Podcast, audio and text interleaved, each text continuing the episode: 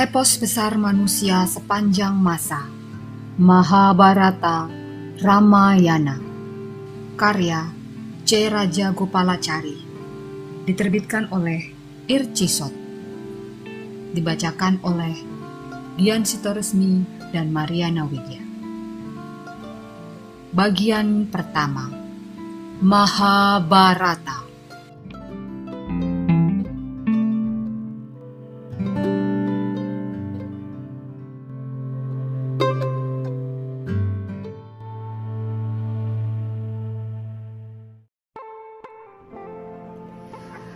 Bab 53 Perutusan Sanjaya Para Pandawa mendirikan perkemahan di Upaplawya, wilayah kerajaan Matsya. Dari sana mereka mengirimkan utusan kepada negara-negara sahabat. Para raja yang bersimpati pada Pandawa segera berdatangan dari seluruh penjuru. Berkat bantuan negara-negara sahabat, Pandawa bisa dengan cepat memiliki bala tentara kuat yang terdiri dari tujuh divisi. Sementara itu, bala tentara Kurawa berjumlah 11 divisi. Adapun pada zaman itu, satu divisi terdiri dari 21.870 kereta kuda, 21.870 gajah, 65.500 kuda, dan 109.350 prajurit darat yang dilengkapi dengan berbagai senjata perang. Kereta kuda adalah kendaraan lapis baja pada zaman dahulu dan gajah yang dilatih khusus untuk perang bisa disamakan dengan tank zaman modern. Pendeta kerajaan Matsya tiba di istana Hastinapura. Sesuai dengan tradisi, ia diterima dengan upacara kehormatan. Setelah memperkenalkan diri, pendeta itu bicara atas nama Pandawa. Katanya, "Hukum bersifat abadi dan memiliki kewenangan tersendiri. Tuan semua tahu hal itu, dan aku tidak perlu menjelaskannya. Destarata dan Pandu adalah putra Wicitrawirya." Menurut tradisi, mereka berdua berhak mewarisi harta kekayaan ayah mereka. Berlawanan dengan tradisi, putra-putra Destarata mengambil alih seluruh harta kekayaan itu, dan putra-putra Pandu tidak mendapatkan apa-apa. Tindakan ini jelas tidak bisa dibenarkan. Wahai keturunan Kuru, para Pandawa menginginkan perdamaian. Mereka mau melupakan penderitaan yang mereka alami mereka tidak menginginkan peperangan. Mereka sadar perang tidak akan membawa kebaikan. Perang hanya akan membawa kehancuran.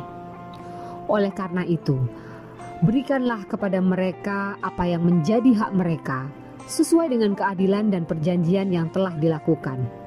Jangan menunda-nunda.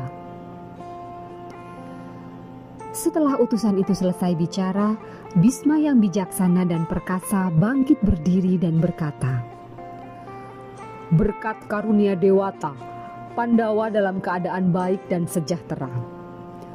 Meskipun telah mendapat banyak dukungan dari banyak raja dan telah cukup kuat untuk berperang, Pandawa tetap berusaha mencari jalan damai.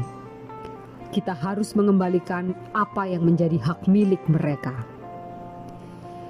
Bisma belum selesai bicara ketika Karna dengan marah bangkit berdiri dan menyela. Katanya kepada pendeta utusan itu, Wahai Brahmana, apa yang kau katakan tidak ada yang baru. Tidak ada gunanya mengulang-ulang cerita lama. Yudhistira tidak berhak mendapatkan kembali apa yang telah ia pertaruhkan di meja judi. Jika sekarang Yudhistira ingin mendapatkan kembali bagiannya, ia harus memintanya sebagai pemberian.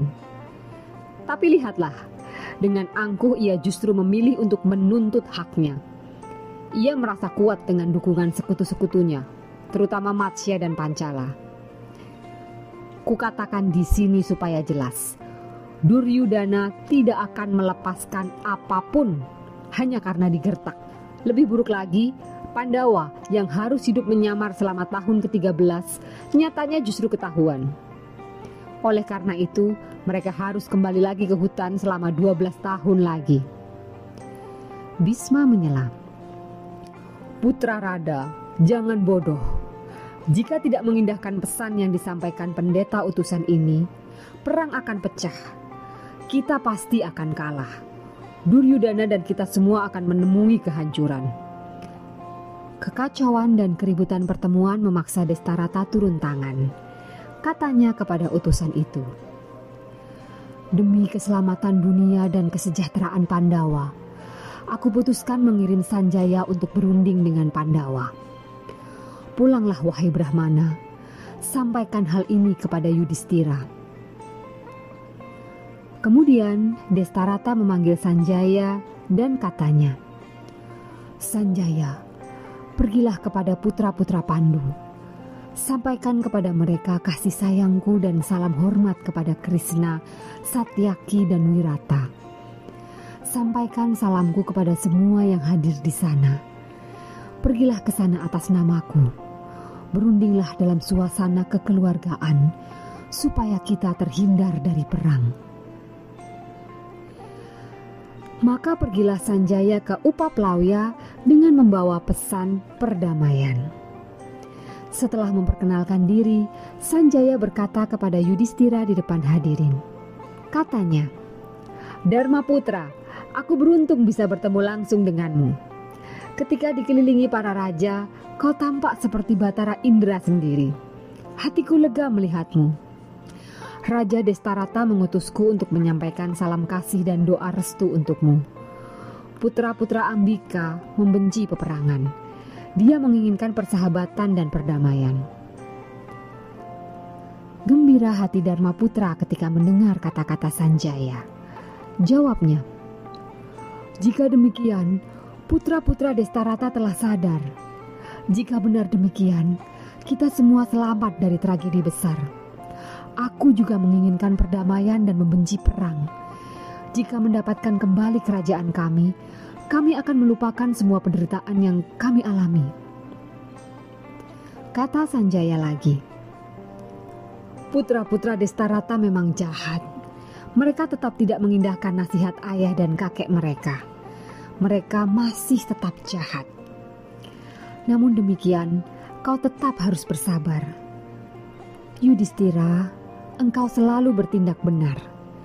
Sebaiknya kita hindari perang. Kebaikan macam apakah yang bisa diperoleh dari kerajaan yang dirampas dari kerabat sendiri? Oleh karena itu, sebaiknya tidak mengobarkan api kebencian. Bahkan jika orang bisa mendapatkan seluruh kerajaan di muka bumi, dia tidak akan bisa lari dari usia lanjut dan kematian.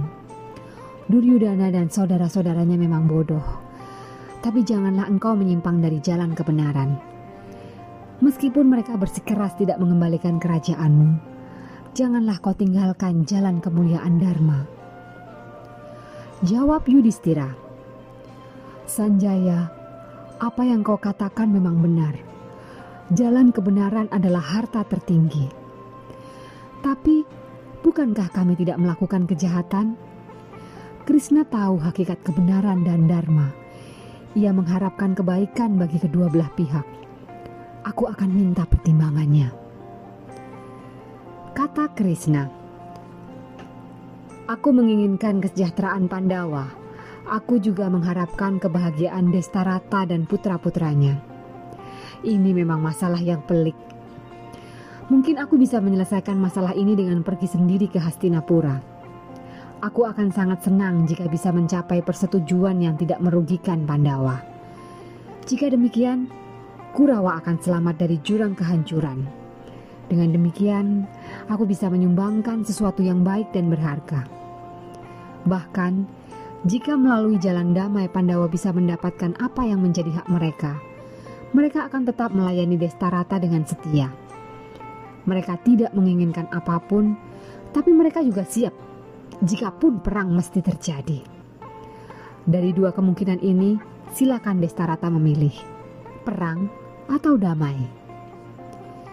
Dan kata Yudhistira kepada Sanjaya, Kembalilah ke Hastinapura dan katakan kepada putra Ambika, Bukankah karena kebaikan hatimu kami mendapatkan sebagian wilayah kerajaan sebagai warisan ketika kami masih muda? Paman yang pernah menjadikan aku raja, seharusnya mengakui kami sebagai pewaris yang sah dan tidak mengusir kami sehingga terpaksa hidup seperti pengemis yang menggantungkan nasib pada belas kasih orang. Paman, yang kami hormati, di dunia ini ada cukup ruang bagi kita berdua dan para Kurawa. Maka, jangan sampai ada permusuhan di antara kita berdua. Demikianlah, sampaikan pesanku kepada Raja Destarata sampaikan juga rasa cintaku kepada kakek Bisma dan mohonkan restunya agar semua cucunya bisa hidup bahagia dalam kasih. Juga sampaikan salam dan rasa cintaku pada Widura. Ia adalah orang yang paling mumpuni untuk melihat dengan lurus dan memberikan nasihat yang adil. Mohon sampaikan pesanku kepada Duryudana.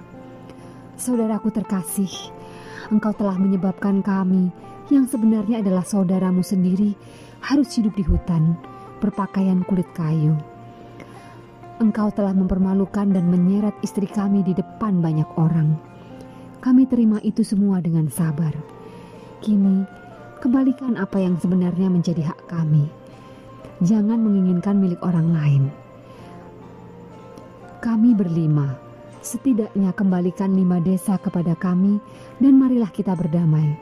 Kami sudah cukup puas. Mohon sampaikan demikian kepada Duryudana Sanjaya. Aku siap untuk berdamai dan siap pula untuk berperang. Setelah Yudhistira selesai bicara, Sanjaya meninggalkan Krishna dan Pandawa, lalu kembali ke Hastinapura.